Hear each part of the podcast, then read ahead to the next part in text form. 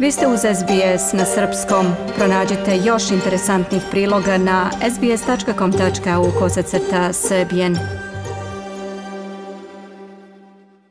Preduzeća u Melbourneu će od danas biti svrstana u tri različite kategorije. Svako od njih će imati specifične restrikcije i pravila o načinu rada. Supermarketi, samoposluge, prodavnice alkoholnih pića, apoteke, benzinske pumpe, banke, novinarnice i pošte, kao i sve medicinske ordinacije, spadaju u prvu kategoriju i moći će da normalno nastave s radom. Ova preduzeća se smatraju za neophodna i zbog toga će ostati otvorena tokom svih šest sedmica četvrte faze restrikcija. Drugu kategoriju spadaju biznisi koji će morati potpuno da prestanu s radom dok restriktivne mere ne budu popuštene. To uključuje sve komercijalne radnje i određene administrativne firme, ali ukoliko imaju online servis, poneka preduzeća će uz poštovanje državnih mera moći da prodaju robu i usluge preko interneta. Treća kategorija biznisa odnosi se na građevinski sektor i industriju prerade mesa. Obe industrije će nastaviti s radom, ali će kapaciteti i broj zaposlenih privremeno morati da se smanje. Premijer Viktorije Daniel Andrews kaže da je svestan da su mere drastične, ali ističe da su i apsolutno neophodne.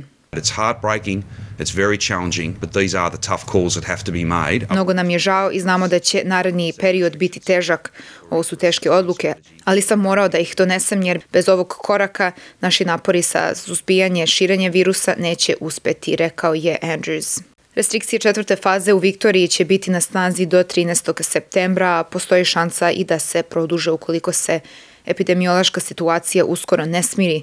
Čak 250.000 ljudi je zbog do sada uvedenih mera ostalo bez posla. Vlada Viktorije će isplatiti paket finansijske pomoći od 5.000 dolara regionalnim preduzećima i 10.000 dolara preduzećima u Melbourneu i okrugu Mitchell. Ova pomoć neće biti dostupna firmama koje rade na ugovor, kao ni pojedincima koji su registrovani kao samostalne zanatlije. Državni ministar za industrijski sektor Martin Pakula rekao je za radio 3AW da su morali negde da podvuku crtu i da će samostalne zanatlije morati da apliciraju za pomoć od federalne vlade Australije, a ne od državnih vlasti Viktorije. And I'm keenly aware of the difficulties but Potpuno sam svestan da je samostalnim zanatlijama, odnosno sole tradersima, trenutno jako teško, ali situacija je sledeća. Mi kao državna vlada imamo ograničene kapacitete kada je financijska pomoć u pitanju. Zbog toga Savezna vlada ovim ljudima pruža pomoć kroz Job Seeker i Job Keeper isplate.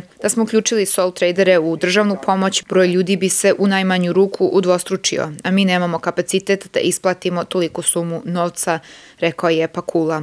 Isplata od 1000,5 dolara za sve casual radnike koji nemaju plaćeno bolovanje biće isplaćena ukoliko osoba mora da zbog sebe ili zbog kontakta sa drugim ljudima provede 14 dana u samoizolaciji. Ova isplata je trenutno dostupna svim stanovnicima Viktorije, ali premijer Australije Scott Morrison juče najavio da je spreman da proširi ovu pomoć na ostale države i teritorije ukoliko to bude bilo potrebno. Australijsko veće sindikata zanatlija kaže da bi preduzeće trebalo da učestvuju u finansijskoj podršci radnicima.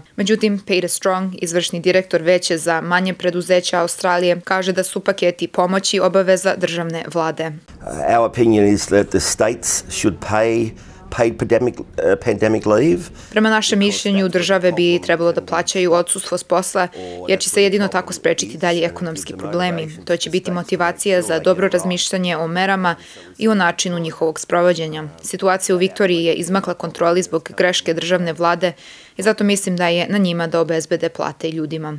Industrija koja takođe trpi velike ekonomske udarce je sektor za brigu o deci. Obdaništa, vrtići i druge predškolske ustanove u Viktoriji beleže pad od čak 70%, zbog toga što su deca sada uglavnom kod kuće sa roditeljima koji rade od kuće ili su ostali bez posla. Fiona Sherlock, koja rukovodi jednim centrom za brigu o deci, kaže da su oba perioda strogih restrikcija ostavila razorne posledice. In both of the lockdown periods, we've had a significant decrease in child attendance. Tokom oba perioda restrikcija u martu i maju, kao i usled sadašnjih dešavanja, imamo znatno manji broj dece u našem obdaništu. Mi smo ovlašćeni da primamo do 70 dece svakog dana, ali trenutno imamo uglavnom 25 do najviše 30. To je velika promena, kaže Fiona Sherlock. Ona dodaje da su financijski pritisci ogromni i da utiču na sve zaposlene. I am exhausted. I am. Uh, Potpuno sam iscrpljena i moje mentalno zdravlje se znatno pogoršalo od kako je krenuo drugi talas zaraze u Viktoriji, ali znam da nisam jedina, niti je samo naša industrija u problemu. Savezna vlada sada nudi 30 dana besplatnog boravka ukoliko roditelji ne ispišu decu iz vrtića, čak i ako odluče da u tih 30 dana deca ipak ostanu kod kuće. Svi centri će dobiti neku vrstu financijske pomoći, ali će novac biti naročito usmeren ka onim centrima gde je broj dece opao za više od 70 Savezni ministar obrazovanja Dan Tehan je apelovao na roditelje da ne ispisuju decu iz obdaništa tokom restrikcija.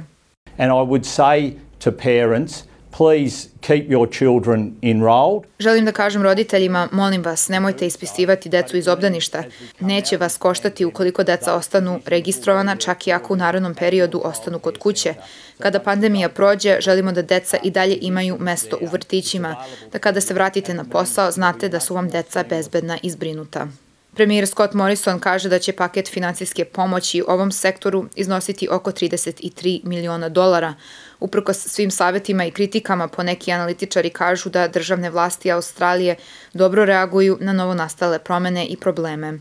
Dr. Eric Windholz sa Pravnog fakulteta Monash univerziteta kaže i da vlada Viktorije dobro obavlja svoj posao uprkos ogromnim pritiscima. Every country and every nation has to strike its own balance. And when we do look globally, we can see Svaka država mora da nađe sobstveni balans. Vidimo na globalnom nivou da ako se uspeh meri po broju slučajeva zaraze i smrtnih ishoda, onda je Australija među najboljima u svetu. Kada se gleda kontrola nad virusom, uprko svemu, tu su vlasti uradile dobar posao. Međutim, taj balans nije samo broj slučajeva i broj preminulih, mora da se uzme u obzir i kvalitet života stanovništva i mislim da na tome treba da se radi u Australiji. Koliko ljudi pati zbog izgubljenih radnih mesta? Da li imamo neophodne mere za sprečavanje mentalnih bolesti, samoubistava? Kako ćemo da pomognemo onima koji su ostali bez posla, bez preduzeća ili kompanije, onima čiji se brak raspao ili su možda izgubili nekoga u porodici?